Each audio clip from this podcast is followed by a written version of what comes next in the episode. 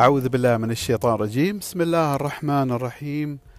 والصلاة والسلام على سيدنا محمد وعلى آله وصحبه وسلم. السلام عليكم ورحمة الله وبركاته. هل الماضي ممكن أن يعيق حياتنا الحالية؟ أو هل ممكن يأثر على مستقبلنا؟ في حلقة اليوم بنتعلم كيف نعمل جلسة خاصة للتحرر من الماضي سواء فكريا أو عاطفيا. اسمي راشد العمري مدرب ومستشار للنجاح في الحياة وكذلك تطوير الأعمال التجارية وكذلك آه، إدارة المالية الشخصية. إذا أول مرة تسمع عني وحاب تعرف عني أكثر تقدر تدخل جوجل اكتب المدرب راشد العمري السيرة الذاتية وإن شاء الله بتطلع المعلومات اللي تبيها. إحنا كبشر عايشين بطريقة شبه تلقائية.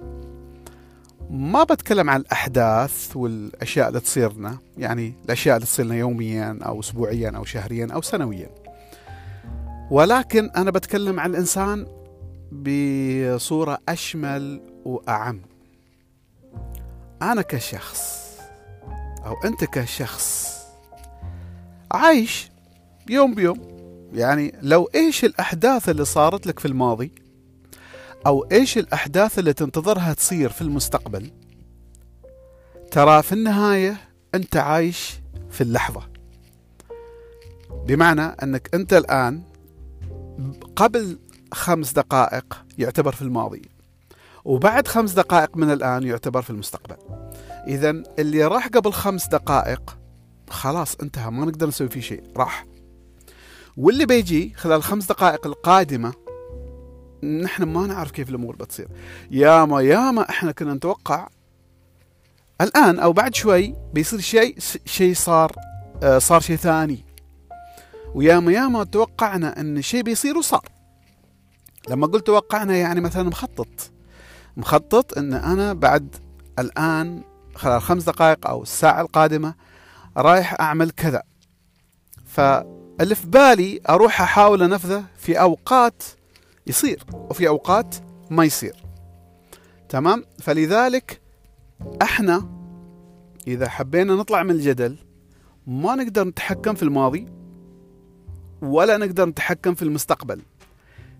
كل اللي نقدر نسويه إن إحنا نحضر نفسنا ونجهز نفسنا للمستقبل.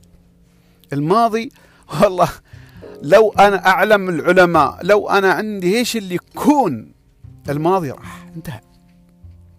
ما ممكن نرجع له. حتى الرسول صلى الله عليه وسلم قال أن لو علمت الغيب لاستكثرت من الخير. يعني إذا الرسول صلى الله عليه وسلم أحب خلق الله إليه ما يعرف إيش اللي بيصير. لكن الرسول صلى الله عليه وسلم كان يخطط وكان وايد ساعده صلى الله عليه وسلم. الإيحاءات اللي كانت تجي من الله سبحانه وتعالى أن أعمل كذا أعمل كذا أعمل كذا. الله سبحانه وتعالى كان يوجه الرسول صلى الله عليه وسلم سواء عن طريق الملائكة أو عن طريق القرآن أو عن طريق الإلهام الإلهي اللي كان ينزل عليه. فلذلك آه، فوق كل هذا رغم أنه هو رسول ونبي وخاتم الأنبياء والرسل بعده ما كان يعرف بالضبط إيش راح يصير. لكن كل اللي علينا يعمل نية ويجتهد. وياما ياما الرسل والأنبياء واجهوا صعوبات ما كانوا يتوقعوها وانفراجات ما كانوا يتوقعوها في نفس الوقت. فلذلك خلونا نطلع من هذه النقطة وأبغى أدخل في نقطة ثانية أن كل اللي علينا أن إحنا نهيئ نفسنا فكريا وعاطفيا وجسديا للمستقبل اللي الله كاتب لنا إياه. هل ممكن نحن نحصل على اللي نبيه؟ طبعا ممكن بشرط إنك أنت طاقتك تكون مفتوحة واتصالك مع الله سبحانه وتعالى قوي. لما أقول اتصالك مع الله قوي ما معناته إنك أنت يعني ما لازم إنك أنت تكون عابد زاهد 24 ساعة تصلي 24 ساعة قرآن 4 لا يكفي طاقة قلبك. إذا قلبك أنت صافي مع الله سبحانه وتعالى القلب نفسه القلب اللي داخل قلبك يا أخي اللي سريرتك أنت. لما يكون قلبك صافي وواثق ثقة عمياء فالله سبحانه وتعالى الله سبحانه وتعالى ما يخيب لك أمر مهما كان. في أوقات كثيرة إحنا أشياء إحنا نبغاها لنفسنا لكن يمكن هذا الشيء لو صار يمكن يضرني أو يضر حد ثاني أو يضر حد حولي. فيمكن الله ما يقدر لنا لأن الله يعلم في شيء ثاني. في يعني ما واضح.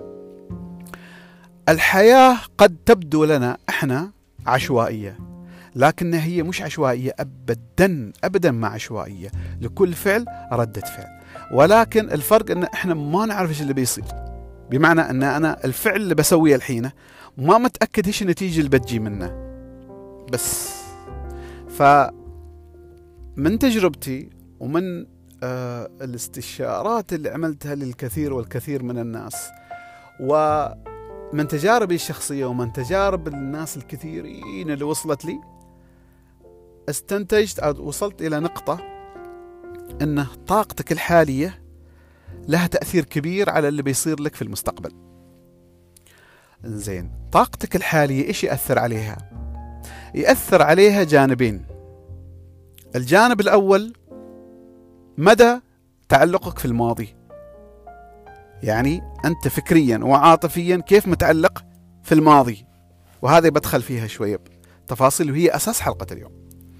الجزء الثاني أن أنت مدى تأثرك في المستقبل عن طريق التفكير فيه والشعور به. كيف؟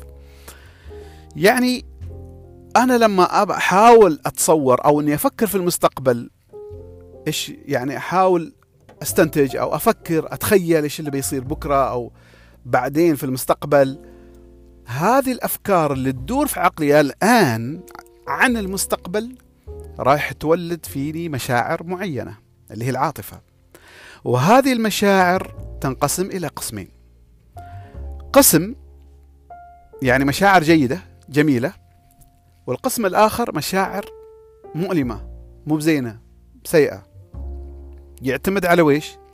يعتمد على تفكيرنا إحنا. إذا فكرنا في المستقبل بطريقة سلبية مثلا فيني خوف عن شيء خايف يصير أو خايف من أشخاص معينين في حياتي أو خايف من أحداث أنا أتوقعها أتصورها في عقلي أنه ممكن تصير. طيب على أي أساس أنا أتوقع؟ على أي أساس أنا أفكر في المستقبل؟ بناء على معطيات الحاضر. يعني إذا أنا علي مبلغ لازم أسده قبل فترة وأنا حاليا ما عارف كيف أجيب هذا المبلغ. ما واضح. أنا بفكر بطريقتين. يعني أفكر بطريقة إيجابية أن أقول إن شاء الله بتسهل الأمور. إن شاء الله بحصل حل أنا متوكل على الله والله بيعطيني. إلا الله عطني. إن شاء الله بتسهل الأمور. إن شاء الله خير. عسى خير. و فإذا قعدت أنا أفكر بتفاؤل معناته أنا فكرت بطريقة ممتازة وجميلة في المست... للمستقبل في اتجاه المستقبل. هذا راح يبعث فيني الشعور بالطمأنينة والراحة النفسية أن إن شاء الله الأمور بتسهل.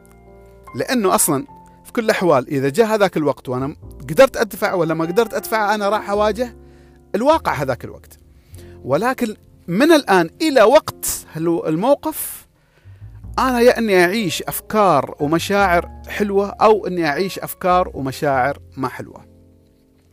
على أساس أني أنا أحين أفكر الآن في الحاضر. أساسا الإنسان لما يفكر ويحلل أشياء للمستقبل يعني يعتمد بشكل كبير على المخزون الموجود داخل عقله من تجارب ومعلومات وخبرات سابقة. إذا المعلومات والتجارب والخبرات من وين ناخذها؟ ناخذها من الحاضر ولا المستقبل ولا الماضي؟ آها. إذا إحنا ناخذها من الماضي. إذا الماضي يؤثر وبكل شدة على حاضرنا وكذلك على مستقبلنا. طيب كيف إحنا يعني أثر علينا الماضي؟ بدخل فيها في التفاصيل الحين. أه سبحان الله. إذا أنا مريت بموقف الآن وأريد له حل. إذا كان هذا الموقف عشته من الماضي عشته في الماضي تمام؟ رايح أسترجع هذا الموقف وأنا كيف تصرفت فيه. إذا تصرفت فيه غلط ما راح أكرر مرة ثانية بدور حل ثاني. وإذا كان ناجح بستخدمه. وإذا هذا الموقف ما مر علي لكني سمعت إن حد ثاني مر وحل بهالطريقة ترى عقلنا إحنا يدور حلول من الماضي. تمام؟ فرضا إن هذا الموقف ما مر علي ولا أعرف حد آه يعني آه مر فيه على أساس يدور حل. اذا أنا ما عندي خبرات وتجارب عن الماضي ولا سمعت عن حد. فاذا أنا ببدأ أفكر بطريقة افتراضية. الافتراض عقل الإنسان يستخدم المقارنة دائما. إذا ما حصل حل رايح يبحث عن حلول لمواقف شبيهة أو قريبة من الموقف اللي هو عايش فيه. أتمنى إني ما عقدت الفكرة عليك ولكن عقل الانسان يشتغل بهالطريقة. واجهتني مشكلة؟ كيف أحلها؟ كيف أحلها؟ أرجع للماضي المخزون الموجود عندي أنا. ما في شيء؟ ببدأ أفكر زين وش شيء قريب؟ طبعا على فكرة أنا لما أفكر بهالطريقة ما أفكر بالطريقة اللي أنا الحين أشرحها. لا شيء تلقائي يعني لا إرادي يعني هي تيجي كذا في عقلي كأني أنا قاعد أفكر في الموضوع يعني تيجي بطريقة بديهية طريقة تلقائية مع إني أنا أرتب الأفكار لا هي بروحها تيجي تتدفق آه، على من عقلي آه، تلف وتدور داخل عقلي. واضح؟ فهذا الشيء يؤثر بكل شدة على قراراتنا الحالية. في اتجاه إيش بسوي الحين؟ اللي بيأثر ويعطي نتائج في المستقبل. طيب التجارب الزينة التجارب المثمرة ممتاز. ولكن في نقطة وايد مهمة اللي هي الأشياء اللي صارت عندنا فيها مثل عقد نفسية.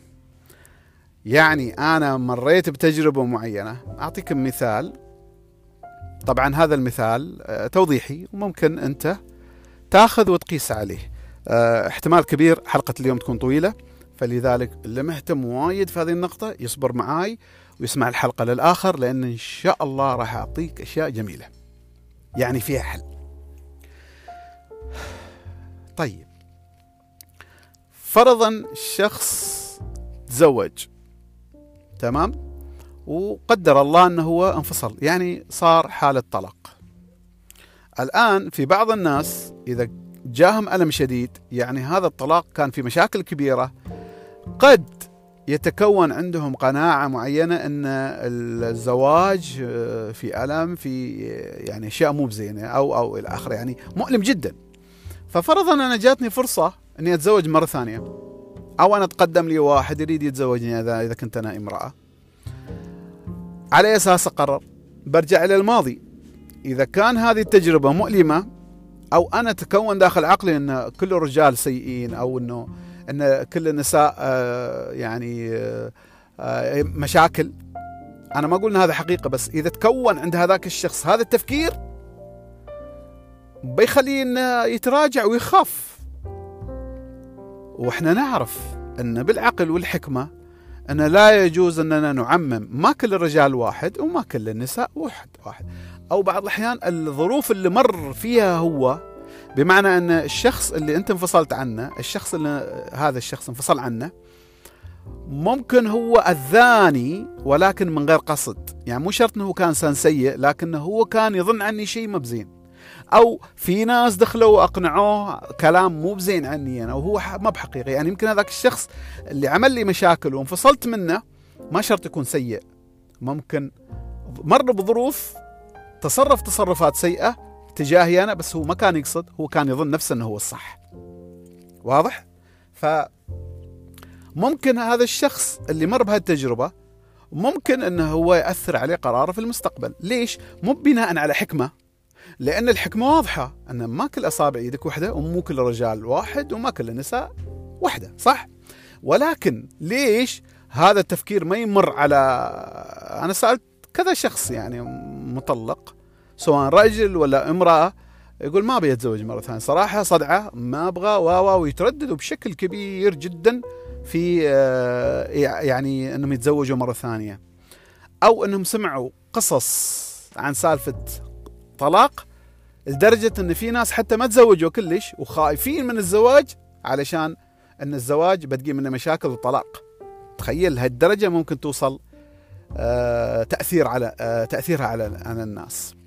فبناء على التجربة الماضية راح يأثر علي إني أنا أخذ قرار. إذا كان تجربتي سيئة جدا ومؤلمة راح أخاف وأتردد إني أنا أقبل على الزواج مرة أخرى لأن أنا خايف عن أعيد التجربة وأعيش الآلام. فممكن أنا أفوت على نفسي إنسان وايد زين. ممكن هذه الامرأة أحسن امرأة لي. هذه الامرأة إذا أنا تزوجتها ممكن تسعدني.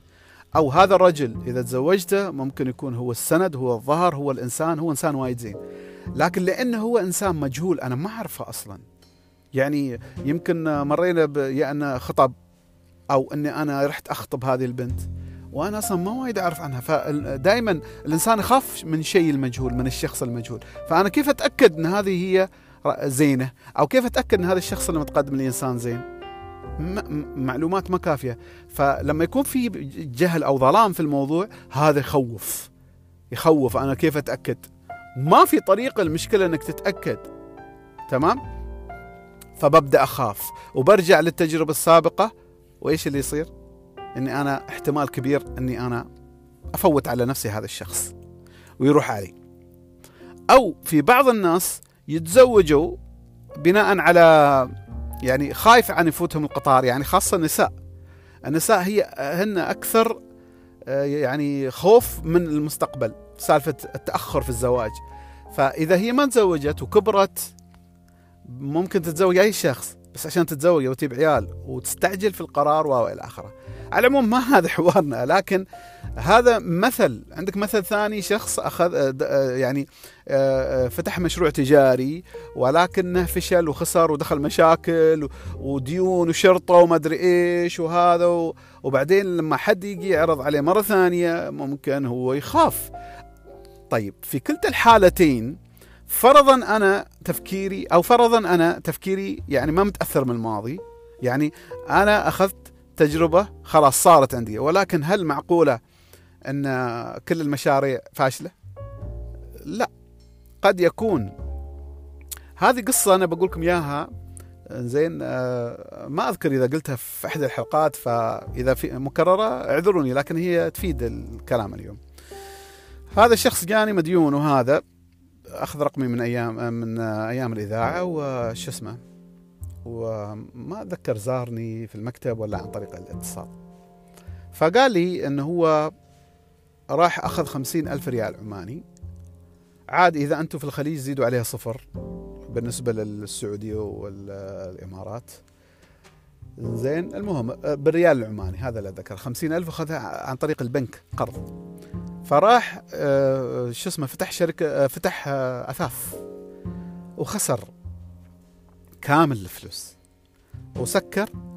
قلت له زين أنت فاهم في هذا المجال؟ قال لا ما فاهم. زين دائما السؤال المهم اللي أنا أسأل أي شخص ليش أنت فكرت في هذا المشروع بالذات؟ قال لأن أحد نسيبه ولا أخوه ولا ابن عمه شيء كذا. فتح ونجح وصار صار عنده خير. فيقول أنا قلت دام إن هذا المشروع ناجح اذا أنا أدخل فيه. لكنه خسر. طيب. هذا نفس الشخص راح هو طموح. يريد يصير غني. راح أخلى زوجته تقترض خمسين ألف ريال عماني وفتح مشروع آخر اللي هو شاحنات النقل. النقل اللي هي الشاحنات الكبار هذه اللي هي قاطرة ومقطورة. ودخل في مشاكل كبيرة وخسر وصار عليهم ديون مئة ألف ريال. اثنينتهم قلت له زين طبعا هو كان يحكي لي أنا ما معاه في الأحداث لكن كان يحكي لي إنه هو هذا الأول وهذا الثاني. قلت له نفس السؤال ليش دخلت أنت في هذا النوع من المشاريع؟ قال لي فلان عرفته وهذا وكذا. يعني معنى آخر هو الشخص كان يبني قراره على نوع المشروع في مشاريع ناجحة قدامه كنموذج وحب هو يقلد. وما بغلط إنك تقلد الناجحين لأن كلامنا مو كلام يعني اليوم ما حوارنا في سالفة المشاريع التجارية ولكن أعطيكم مثال. ليش يا أخي دخلت في هذا المشروع؟ قال دخلت في هذا المشروع لأن فلان ما أتذكر من لكن شخص يعرفه آه، شافه ناجح ويطلع فلوس. فسألته قلت آه، ليش أنت الحين فشلت في المشروعين؟ وهم نجحوا. قال هذه التجارة ما أدري إيش هذه حظوظ. هم محظوظين وهم ما أدري إيش أنا متحو أنا منعو منحوس وما أدري إيش. والتجارة ما أدري المهم إنه هو تكونت عنده قناعات يعني تجارب. هذه التجارب يعني بالحكمة بالمنطق هل المشكلة في نوع المشروع ولا المشكلة في الشخص اللي نفذ هذا المشروع؟ الحكمة تقول إن اللي عمل هذا المشروع وفشل فيه هو غلطان. مش المشروع فاشل هو الشخص فشل في إنجاح هذا المشروع. اذا يمكن هذا الشخص ما يعرف في التجارة يمكن هو ما يعرف ما عنده خبرة في ذاك الموضوع يعني ما الشخص اللي فتح الأثاث يمكن هو عنده خبرة من قبل في الأثاث عنده خبرة عنده علاقات في أماكن إنهم هم ياخذوا منه شاطر يعرف كيف يقنع الناس.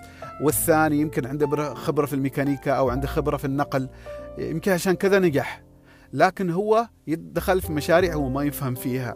طبعا أنا أقدر أقول أنا أعرف إيش الخلل لكن مثل ما قلت ما ما كلامنا اليوم كلام مشاريع.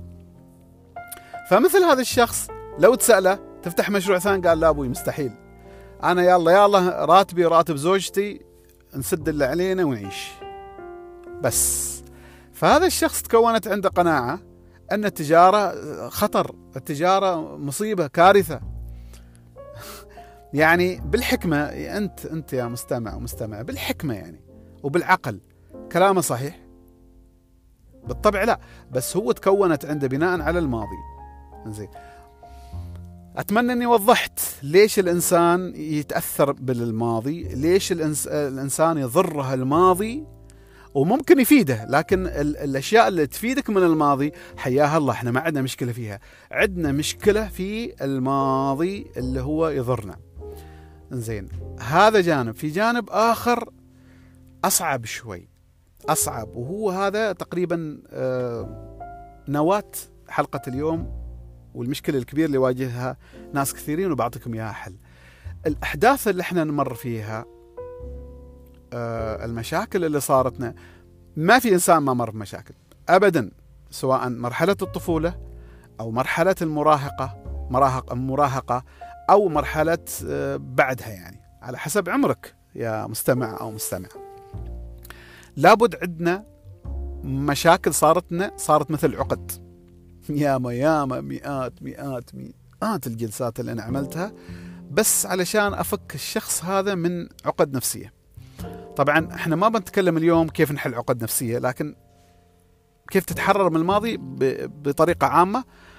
ما بتعطيك يعني عمق عظيم ولكن راح تساعدك راح تساعدك وايد آه الاستراتيجية اللي بعطيك إياها اليوم.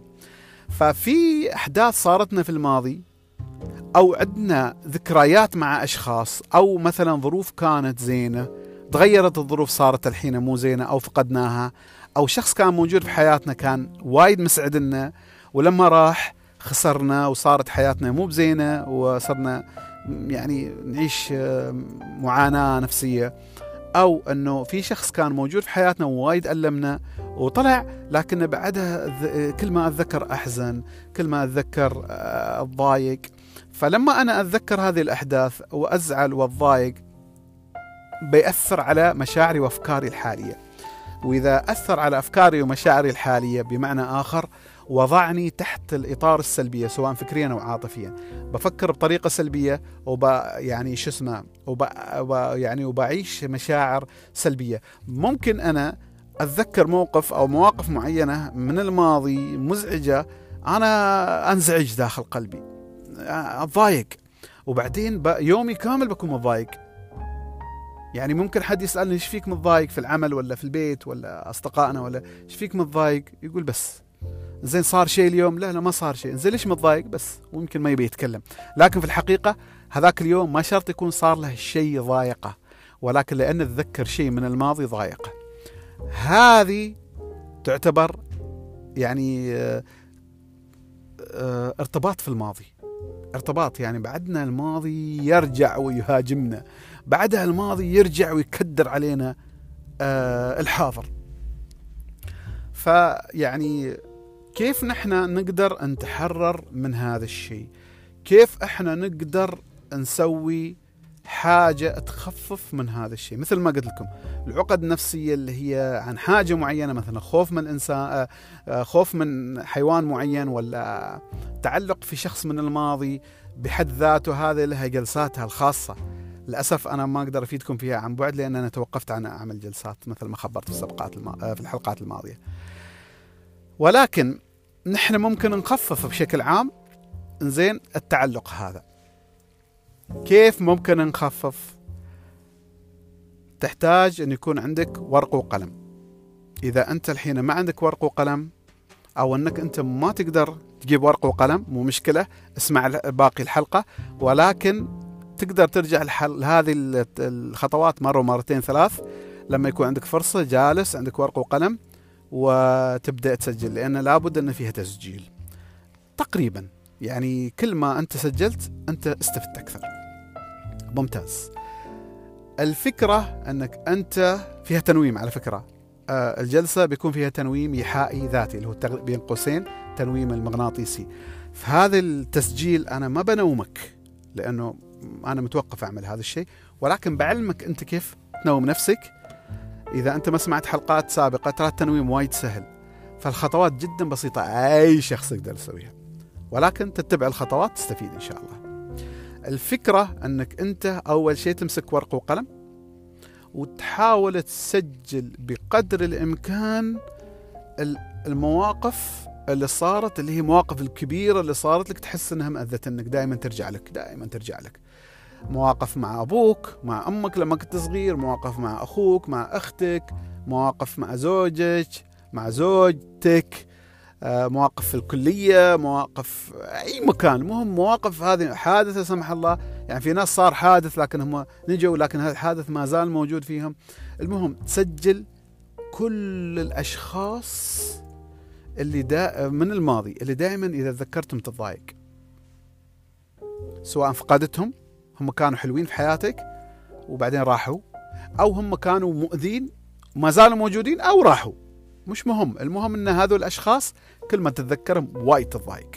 يعني مثلا شخص ذكرك فيه مكان أنت ذكرك في هذا الشخص ممكن ريحة عطر ذكرك بهذا الشخص ممكن أغنية ذكرتك بهذا الشخص ممكن مكان مريت فيه وذكرك بهذا الشخص. المهم في أشياء حولك تذكرك بأشخاص أو بمواقف معينة في الماضي لأن يا أشخاص يا مواقف تمام؟ فاولا تمسك ورقه وقلم وتحاول تسجل الأشخاص اللي آه، كل ما تتذكرهم تتضايق على فكرة ما لازم آه، هذه القائمة في جلسة واحدة. يعني ممكن آه، وانت تسوق السيارة تذكرت شخص طبعا بكل بساطة سجل صوتي لأنك أنت تسوق ما تكتب خطر. أو إذا أنت جالس في الدوام ولا أي مكان وذكرت شخص سجله المهم سجل سجل سجل سجل لما تحس إنه خلاص تقريبا هذول الأشخاص اللي اللي يعني أتذكرهم الحين وكل ما أتذكرهم أحس بالإنزعاج. طيب فرضا أنا كتبت قائمة وعملت الجلسة هذه وبعد فترة تذكرت غيرهم مشكلة سوي جلسة ثانية وثالثة كل ما تتذكر حد سوي له جلسة وانت ماشي يعني ممكن تخلي هذا الشيء مستمر معك. مع الأيام بتحصل عمرك أنت نظفت وايد وايد وايد ما شوي. هذا بالنسبة للأشخاص. بالنسبة للأماكن تمام؟ اذا اولا الأشخاص ثانيا الأماكن سجل الأماكن اللي كل ما مريت فيها أو تذكرتها شعرت بانزعاج أماكن أماكن مش ظروف مش أحداث مش أشخاص مكان. كل ما تذكرت هذاك المكان صار لك فيه شيء ولا ذكرك بشيء اكتب قائمة. والله هذا المكان صار لي هذا الحدث وأنا كل ما أمر هذا المكان اتضايق أو كل ما اتذكر هذا المكان اتضايق تمام؟ ف سجل الأماكن اللي تحس أنك أنت كل ما تتذكرها أو تمر فيها فعليا تتضايق زين؟ بعدين سجل قائمة أخرى الروائح. هل في ريحة معينة تذكرك بأشخاص لما تتذكر تتضايق أو تزعل؟ ممكن ريحة أكل ممكن ريحة آه، عطر ممكن ريحة نباتات يعني مثلا ريحة زراعة أو ريحة بحر أو ريحة اللي يكون. تمام؟ سجل الروائح. بعدين قائمة أخرى سجل الأصوات. يعني تعرف أن حتى في ناس رن التليفون ذكرهم بناس مو يعني حزن؟ يعني هذا الشخص كان في حياتي كان هذه الرنة كل ما ترن فهذه الرنة إذا اسمعها مو شرط معاي. في تلفون واحد ثاني في الشارع أو اي مكان ذكرني. فسجل الأصوات. اذا أنت تسجل الأماكن وتسجل كل الكلام اللي أقوله الحين. إذا فاتك مو مشكلة تقدر تعيد وتزيد لما تخلص القائمة. عندك أنت الأماكن عندك أنت الروائح عندك الأصوات. تمام؟ وعندك كذلك الصور. يعني لما أقول صور ما أقول صور أشخاص يعني صورة صورة صورة كذي صورة كذي أتخيلها في عقلي. يعني تخيل صورة معينة هذه الصورة تذكرني بفلان أو تذكرني بالموقف الفلاني أو تذكرني بالمكان الفلاني. يعني مرات أنا أشوف لون على فكرة ممكن أنا أشوف لون يذكرني بشخص. يعني اللون الأحمر أو اللون الأزرق أو اللون الأخضر. سجل كل هذه الأشياء المرئية اللي ذكرك بشخص أو بظروف كانت مو بزينة في حياتك كل ما تشوف هذه الألوان أو هذه الصور آه، أو تتخيل هذه الألوان أو تتخيل هذه الصور يجيك آه، يعني تجيك مشاعر ما بزينة. إذا تجيك مشاعر زينة مو مشكلة. بعض الأحيان مشاعر الحنين بعد مو بزينة. يعني مثلا شخص فقدته أو مكان أو ظروف معينة كانت حلوة فقدتها وبعدين لما في شيء بذكرني بشعر بالحنين وهذا الحنين آه، مو بزين. يعني يكدرني. تمام؟ زين خلصنا. بعدين عندك انت يجي اللي هو إيش بعد؟ قلنا آه، الصور. اللمس. هذه ما وايد قوية ولكن إذا صار ممكن. يعني ألمس آه، قماش معين ألمس مكان معين. المهم ملمس بيدي يذكرني بشخص أو يذكرني بمكان أو يذكرني بظروف معينة آه، سجل. هذه ما شرط أنا ما أحس أنها قوية لأن نادر أنا أستخدمها حتى في جلساتي لكن قد تكون.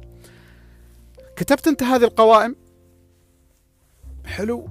مثل ما قلت هذا الكلام ينطبق على كل هذه القوائم. أي شيء راح عن بالك وتذكرته في المستقبل سوي له جلسات ما عندك مشكلة. هل في مجال أنك أنت يعني تخلط ما بينهم؟ مو مشكلة. ممكن كلهم يكونوا بقائمة واحدة ما عندك مشكلة. لكن أفضل أن كل ما كنت أنت منظم كان أفضل. خلاص صار عندك انت قوائم واضحة. ممتاز. الخطوة الثانية انك انت تعمل تنظيف لهذه الأشياء. زين الآن علشان انت تقدر تنظف هذه الأشياء اللي دخل في الماضي تحتاج انك انت تدخل إلى العقل الباطن. مش العقل الواعي. لأن إحنا لما آه، نتذكر هذه الأشياء ومن الماضي. وتزعجنا. ترى مش العقل الواعي اللي هو يزعجنا. العقل الباطن لأن هي مخزنه موجود في العقل الباطن. يعني إذا شمينا ريحة معينة هذه الريحة راح يتم استجلابها من الذاكرة الباطنية. أو إذا فكرنا بأشخاص وإلى اخره وإلى اخره في بعض الأوقات أنا مرة من المرات كنت في مجمع تجاري وفي شخص صار بيني وبينه موقف شافني من بعيد ولف لفة طويلة ابتعد عني. الموقف صاير هو يعني بين قوسين هو سود بوجهه عندي يعني خذلني. وكان كل ما يشوفني يلف ما, ما كان يجي يسلم علي رغم إنه ما لنا في مشاكل لكن عرفت إن هذا الشخص كل ما يشوفني يتذكر. تمام؟ فمثل هذا الشخص ممكن أنت شخص معاك في العائلة كل ما تشوفه في اجتماعات عائلية أنت تتكدر. وساكت لكنك أنت داخلك تتكدر. ممكن يكون في القائمة. واضح؟ واضح. زين العقل الباطن ما لازم تفهم كيف العملية تصير أنا ما بشرح لك كيف العملية تصير لأنه مش مهم. مثل أن الحين أنا أعلمك كيف تستخدم الجهاز أو كيف تستخدم برنامج في الحاسب الآلي. ما لازم إحنا نعرف البرنامج برمجياته كيف يشتغل. إحنا بس فقط نحتاج إن إحنا نعرف كيف نستخدم هالبرنامج. صح؟ ممتاز. اذا آه نحتاج إن إحنا نتنوم. تنويم إيحائي. أنت تنوم نفسك بنفسك علشان تعمل تنظيف آه أو تعمل آه آه تحرر من الماضي. وهو هذا أساس حلقة اليوم. التنويم اللي ما سامع حلقات من قبل أنا في أحد الحلقات أو كذا حلقة شرحت التنويم وبرجع أشرحه لأنه بسيط وبعطيكم الخطوات. ما عليه حلقة بالطول لكن لمصلحتك. التنويم هو عبارة عن استرخاء وخيال لا غير. التنويم بكل بساطة يدخلنا مرحلة الاسترخاء إلى الخيال. ما أني أنا أنام أنام وأحلم لا. أنا مسترخي وعالم الخيال عندي شغال. هذا أهم شيء. عالم الخيال هو اللي بنشتغل فيه. زين كيف نوصل لمرحلة عالم الخيال اللي هو استرخاء اللي هو أنا أكون خلاص نومت نفسي مغناطيسيا اللي هو التنويم الإيحائي. أنا أقول لك الذاتي. يعني ذاتك أنت تنوم نفسك ما تنتظر. على فكرة تقدر تسويها أنت شخص ثاني. يعني ممكن تتنوم واحد وأنت تشتغل تساعده بهذا الشيء بعد ممكن. لكن يعني أنا أفضل أنك أنت تسوي لنفسك وتعلم الثاني عشان تكون كأداة معه. يعني إذا أنت طبقتها ونجحت علم الثاني كيف ينوم نفسهم علشان تكون هذه أداة على طول وياهم يعني يستخدموها. تمام. كيف أنا أسترخي؟ قلنا إحنا جزئين في استرخاء وفي خيال. الخيال بعلكم بعطيكم التقنية اللي تستخدموها لكن الاسترخاء. الاسترخاء في جزئين. ما عليه. عيدوا زيدوا استماع الحلقات أو ورقوا قلم وسجلوا. الاسترخاء فيه جزئين. فيه إرخاء آه فيه التنفس. يعني في طريقة تنفس إحنا راح نعملها علشان نهدي العقل. زين؟ والخطوة الثانية أن إحنا نرخي العضلات علشان يصير عندنا ضعف في الحواس الخمس. لما أنا أرخي نفسي أضعف الحواس الخمس عن العالم الخارجي بحيث أن أنا أكون متفرغ وكل كل طاقتي العقلية رايحة في العالم الداخلي في الخيال. بس من غير أنام نوم حقيقي. لا خيال. تمام؟ فاذا الخطوة الأولى التنفس الخطوة الثانية إرخاء العضلات وبعدين بهالطريقة أنا أكون جاهز إني أنا أعمل خطوات التنويم آه عفوا خطوات التنظيف. التنفس جدا بسيط. الطريقة طبعا علشان تعمل هذا الشيء تحتاج إنك تكون في مكان ما حد يزعجك فيه يعني ما تسوي وأنت تسوق أو إنك أنت مستعجل. يكون أنت شوي على رواقه على قولهم. أنت يعني عاطي هذه الجلسة حقها. فتكون جالس في مكان مريح له حر له برد وما في حد راح يزعجك سواء عن طريق الاتصال أو حد يعني يجلس في عزلة وتأكد انه ما في حد يقطع عليك هذه الجلسة. تمام؟ وتأكد أنك أنت مرتاح يعني ما عندك احتياج أنك تروح الحمام وما تشعر بالعطش ولا تشعر بالجوع ولا في عندك أنت ملابس أو خاتم أو ساعة ضاغطات على جسمك. تكون مرتاح. الإضاءة إذا كانت منخفضه يكون أفضل إذا كانت معدومة أفضل وأفضل. لكن إضاءة عالية شوية ممكن آه، عندك يعني تنقص عندنا العملية. حاول ان تكون إضاءة مغلقة أو خافتة على الأقل. أنا كل جلساتي أعملها أن أخفض الضوء. شفت ضوء النوم الأخضر والأحمر الخفيف؟ هذا بعد يكون وايد حلو. تمام؟ بعد ما تتأكد أنك أنت جالس في مكان مريح وهذا المكان تشعر فيه بالأمان. يعني مثلا تنام على تنام أفضل يعني تستلقي أفضل عن جلسة. بس سواء جلست ولا استلقيت لابد أنك تقعد أو تجلس أو تستلقي في مكان شوي يحتويك. يعني لما تسترخي ما تحس أنك ممكن تطيح منه ولا شيء. يعني مكان تشعر فيه بالأمان أنك أنت تسترخي فيه سواء كرسي كبير أو آه يعني سرير آه يحتويك. وضحت؟ ممتاز. طريقة التنفس آه تكون كالتالي. حلو إنك تغمض عينك. تمام؟ التنفس إنك تسحب هواء عن طريق الأنف سحب قوي بهالطريقة. سريع. إلى أنك تملي آه، الرئتين بالهواء كامل. لما تسحب الهواء تأكد أنك أنت تنفخ بطنك إلى الأعلى. يعني أنت لما تسحب الهواء عن طريق الأنف لا تشد عضلات البطن. رخي عضلات البطن. علشان تسوي مساحة للرئة تأخذ كثير لأن الحجاب الحاجز من تحت الرئة راح ينزل تحت. فإذا شديت عضلات بطنك راح تقلل هذه المساحة. فلما ترخي عضلات بطنك بطنك وأنت تسحب الرئتين راح تملي هواء أكثر. وهذا مطلوب ومهم. تمام؟ فتسحب. إلى ما تملي الرئتين كامل بالهواء وبعدين تكتم الهواء. عد ثلاث خمس ثواني وبعدين تطلع يعني لما تسحب الهواء وتكتم وأنت كاتم واحد اثنين ثلاث أو ممكن توصل لخمس على حسب قدرتك في كتمان الهواء في الرئة. بالمناسبة اللي عندهم الربو أو عندهم صعوبة في التنفس آه، استشير طبيبك على هالطريقة. تأكد من الطبيب أن هذا ما تضرك. تمام؟ لا تسوي هالطريقة إذا كان أنت عندك آه، صعوبة في التنفس أو إذا أنت مريض ذاك الوقت وهذا الشيء مأثر على التنفس استشير الطبيب. إذا أنت ما عندك مشكلة في التنفس سويها. زين فتسحب الهواء عن طريق الأنف بسرعة وبقوة إلى أن تملئ الرئتين بالهواء كامل وتكتم. ثلاث إلى خمس ثواني وبعدين تطلع الهواء عن طريق الفم ببطء وشديد كأنك تنفخ بالون خفيف إلى أنك أنت تطلع كل الهواء من الرئة. وبعدين مرة ثانية. تسحب من الأنف وتكتم. واحد اثنين ثلاثة أو واحد اثنين ثلاثة أربعة خمسة. وبعدين تطلع لو إحنا بغينا نعطي أرقام إذا أنت سحبت الهواء عن طريق الأنف في ثلاث عدات واحد اثنين ثلاثة ومليت تطلع الهواء ست عدات أو تسع عدات. على راحتك. الهواء لما يدخل بسرعة عن طريق الأنف وتكتمه وبعدين تطلع بشويش عن طريق الفم. هذه الطريقة عندك أنت تخفف آه، الكهرومغناطيسية في الدماغ. تخلي الدماغ عندك يهدأ. التفكير عندك أنت يهدأ وهذا مطلوب. زين هذه الطريقة أنك تسحب وتكتم وبعدين تطلع بهدوء. سويها من ثلاث إلى خمس مرات. على حسب. إذا أنت مبتدئ قد يكون ثلاث كافي يكفي. إذا أنت متمرس خمس تقدر تسوي. على راحتك ثلاثة أو خمس كلهم مفيدات. تمام؟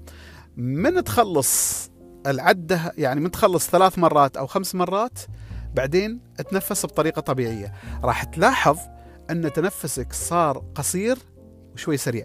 يعني أنت تتنفس بهدوء. ما تسحب هواء كثير وما تطلع هواء كثير. تمام؟ أنت بهالطريقة نجحت. يعني وأنت مغمض عينك خلصت هذه تحصل عمرك انت تتنفس. يعني تنفس بطريقة طبيعية. خلي يعني التنفس يكون تلقائي. بتجد إنه هو يعني التنفس هديء وهادئ وقصير. بهالطريقة أنت نجحت في هذه الخطوة اللي هي التنفس. ندخل إلى الخطوة اللي بعدها اللي هي آه، إرخاء العضلات. في طرق كثيرة بتحصلها في النت لكن أبسط وأسهل طريقة اللي أنا بعطيك إياها. ابدا بعضلات القدمين ثم عضلات الساقين ثم عضلات الفخذين ثم عضلات الوسط ثم عضلات البطن ثم عضلات الصدر ثم عضلات الكتفين والذراعين والكفين ثم عضلات الرقبة ثم عضلات الوجه ثم عضلات فروة الرأس ثم عضلات أعلى الظهر ثم عضلات وسط الظهر ثم عضلات أسفل الظهر طبعا أنا قلتها بسرعة كالعادة أرجع وتأكد منها. بالنسبة يعني أقصد اسمع تسجيل على قد ما تبي علشان تسجل الخطوات. بالنسبة للوجه الوجه فيه تفاصيل. لما أنت توصل للوجه أبدأ من عضلات الجبين. يعني أنا بعطيك شوي بعد شوية كيف أنت تسوي لكن ترتيب. تمام؟ قدمين الساقين الفخذين الوسط البطن الصدر الكتفين والذراعين والكفين الرقبة الوجه.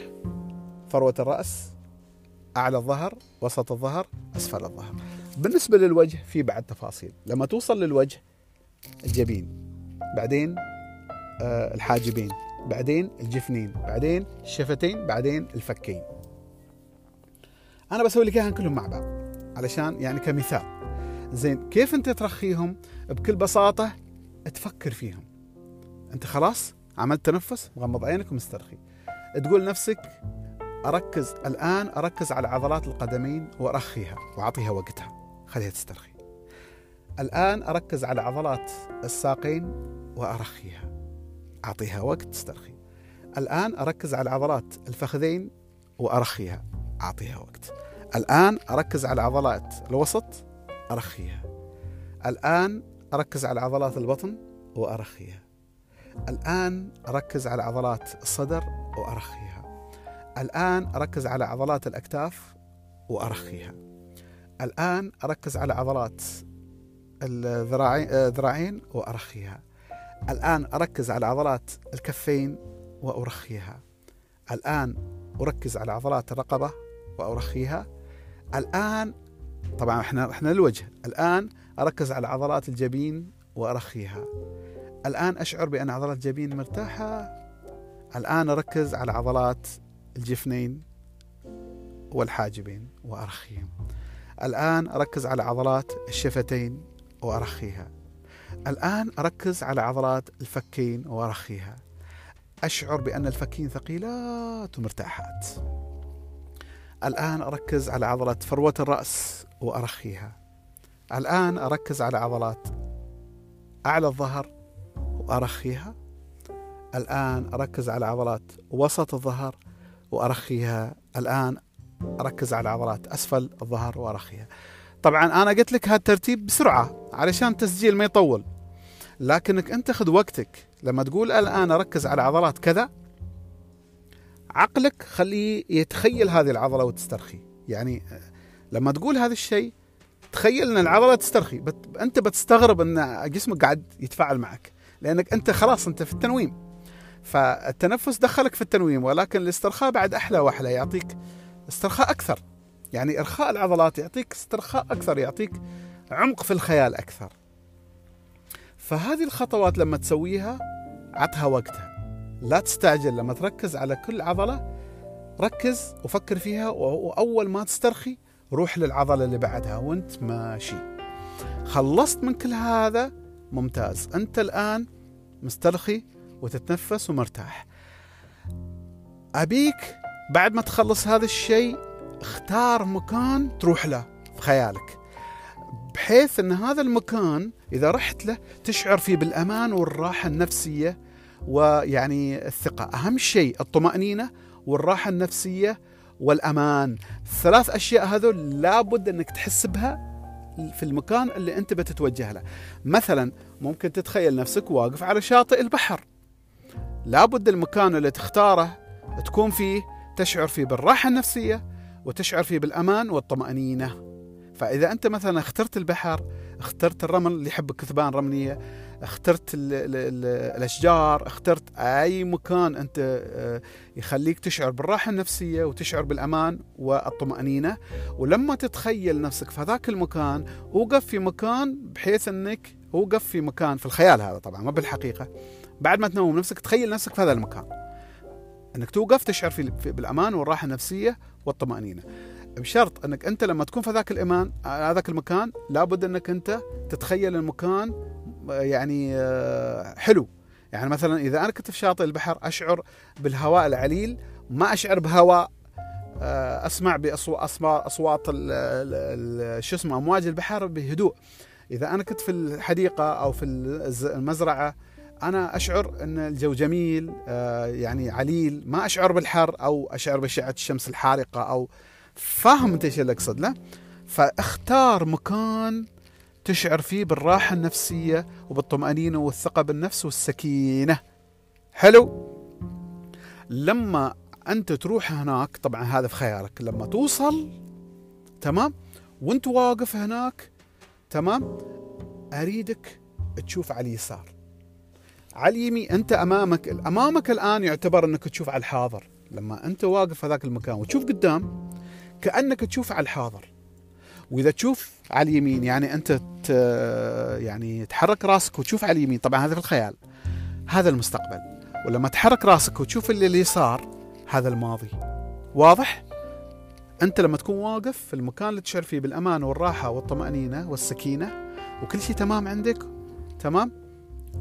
اليسار هو الماضي. هذا هو اللي إحنا نبغى نشتغل فيه. تمام؟ فأنت أول ما تشوف على اليسار تمام؟ رايح تشوف اللي موجود في القائمة. راح تشوف الموجود في القائمة. إحنا عملنا قائمة يمكن فيها حتى المئات ما عندك مشكلة. هذا موضوع خذ وقتك فيه. يعني في كل جلسة كم عدد ما عندك مشكلة. فأنت خلي الواقع جنبك. فأنت إذا قادر تتذكر مواقف اشتغل عليه. إذا ما قادر عادي افتح عينك على الخفيف شوف وغمض عينك وكمل. أو إنك تستعين بشخص يقول لك موقف موقف. معاي؟ بس بشرط إنه يقول لك بصوت هادي من غير لا يزعجك.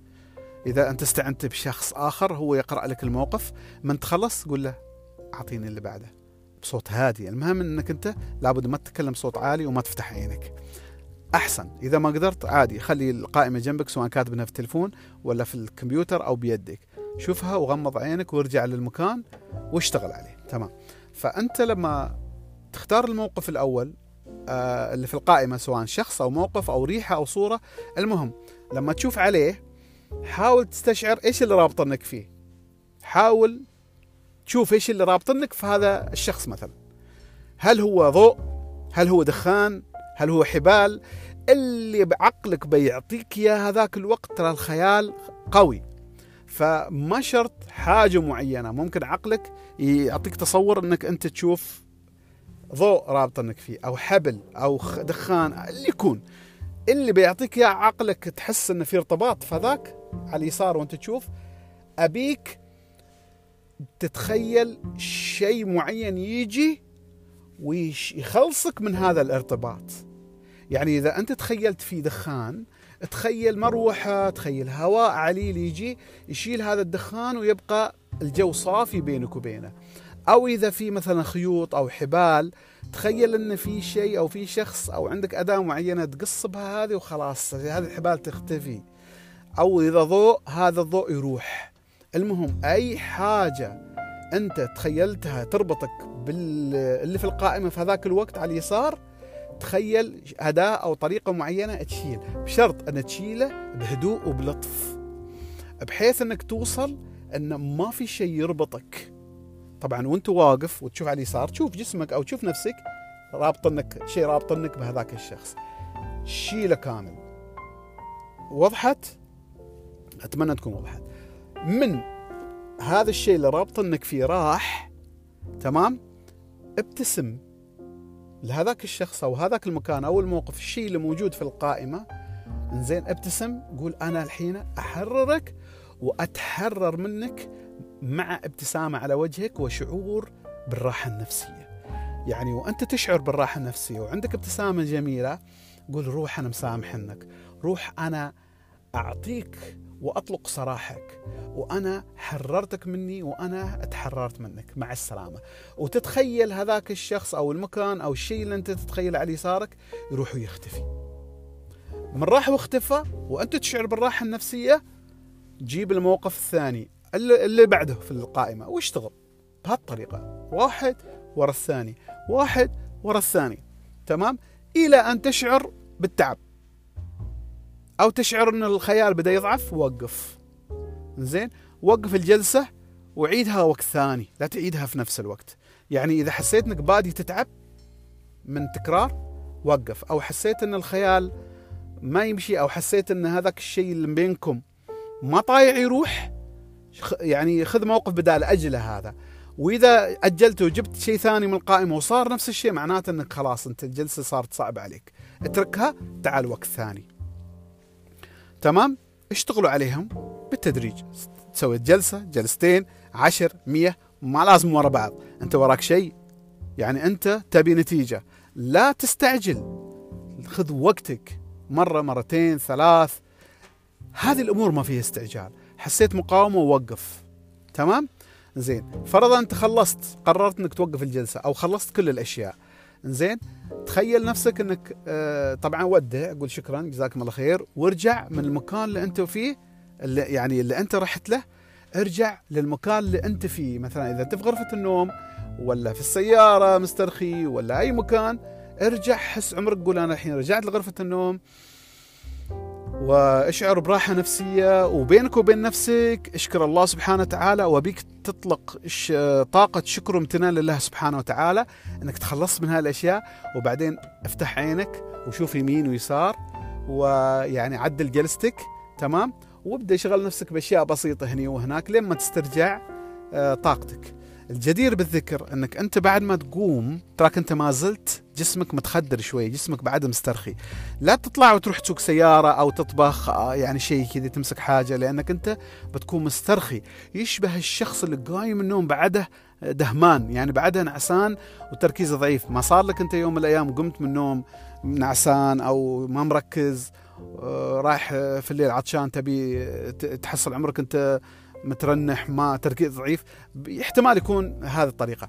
فأنت في هذه الحالة لا شو اسمه لا تطلع فجأة برا أو تسوق سيارة أو لا اشغل نفسك بأشياء بسيطة هنا وهناك. شوي شوية لما تشرب لك ماء يقوم امشي شوي علشان تسترجع آه، شو اسمه وعيك كامل. تمام؟ هذه الطريقة آه، فعالة 100% لأن أنا عملتها مئات مئات مئات المرات عندي لنفسي ولغيري. فعالة ألف المية. فإذا ما اشتغلت معاك إذا أنت في شيء عندك نقص في الخطوات اللي قلت لك إياها. على العموم اللي يشعر أنه هو بعده ما فاهم الإيميل موجود موجود عندك في القائمة. زين إذا ما عرفت راشد علي العمري جيميل أو إنك أنت تدخل على جوجل, جوجل اكتب المدرب راشد العمري. ممكن توصل لي عن طريق الإنستغرام ممكن توصل لي عن طريق الفيسبوك ممكن توصل لي عن طريق تويتر. موجود حساباتي. تقدر تدخل على الخاص وارسل لي رسالة خاصة وأسأل وإن شاء الله أنا ما قصر. ما أقدر أحط رقم في الواتساب لأنه وايد تجيني اتصالات ورسائل ما أقدر.